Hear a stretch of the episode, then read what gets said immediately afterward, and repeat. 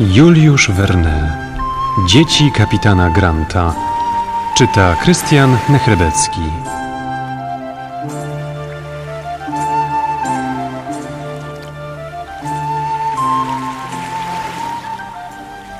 Powoli rozwidniało się i horyzont powlekał się czerwienią. Ziemia! zawołał John Mangles. Zbudzeni tym okrzykiem towarzysze wybiegli na pokład i spoglądali w milczeniu na brzegi rysujące się na horyzoncie. Ląd ten, gościnny czy wrogi, miał być teraz miejscem ich schronienia. Gdzie jest Will Halley? zapytał Glenarvan. Nie wiem, milordzie, odpowiedział John. A jego marynarze? I oni gdzieś zniknęli? Jak to, nie ma nikogo?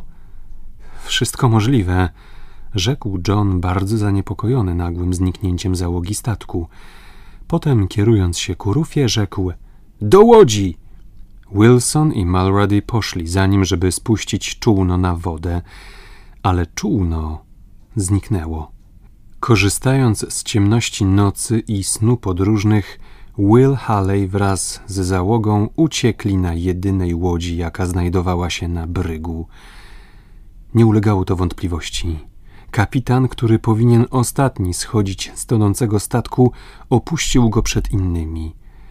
John Mangles przyjrzał się uważnie uszkodzonemu omasztowaniu i po chwili namysłu rzekł: Mamy dwa sposoby wydobycia się z tego położenia. Zepchnąć statek z mielizny i wypłynąć na morze, albo też dostać się do brzegu na tratwie, którą można łatwo zbudować. Po zbadaniu kadłuba statku John przekonał się, że bryk niewiele ucierpiał przy osiadaniu na mieliźnie.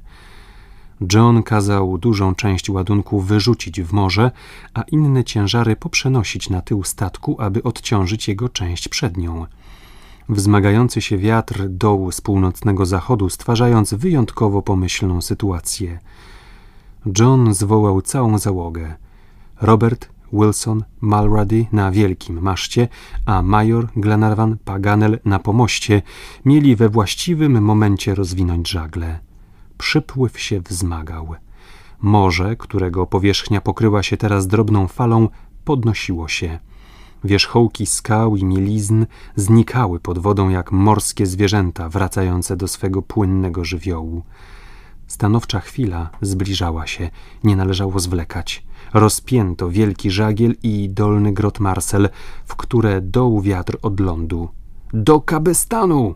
zawołał John. Mocno, mocno, razem! Pod silnym działaniem Kabestanu naprężyły się liny kotwiczne. Kotwice trzymały i nie ruszały się z miejsca. Należało działać szybko, bo wezbrane morze utrzymuje się nieruchomo zaledwie kilka minut i wkrótce zaczyna opadać. Zdwojono usiłowania.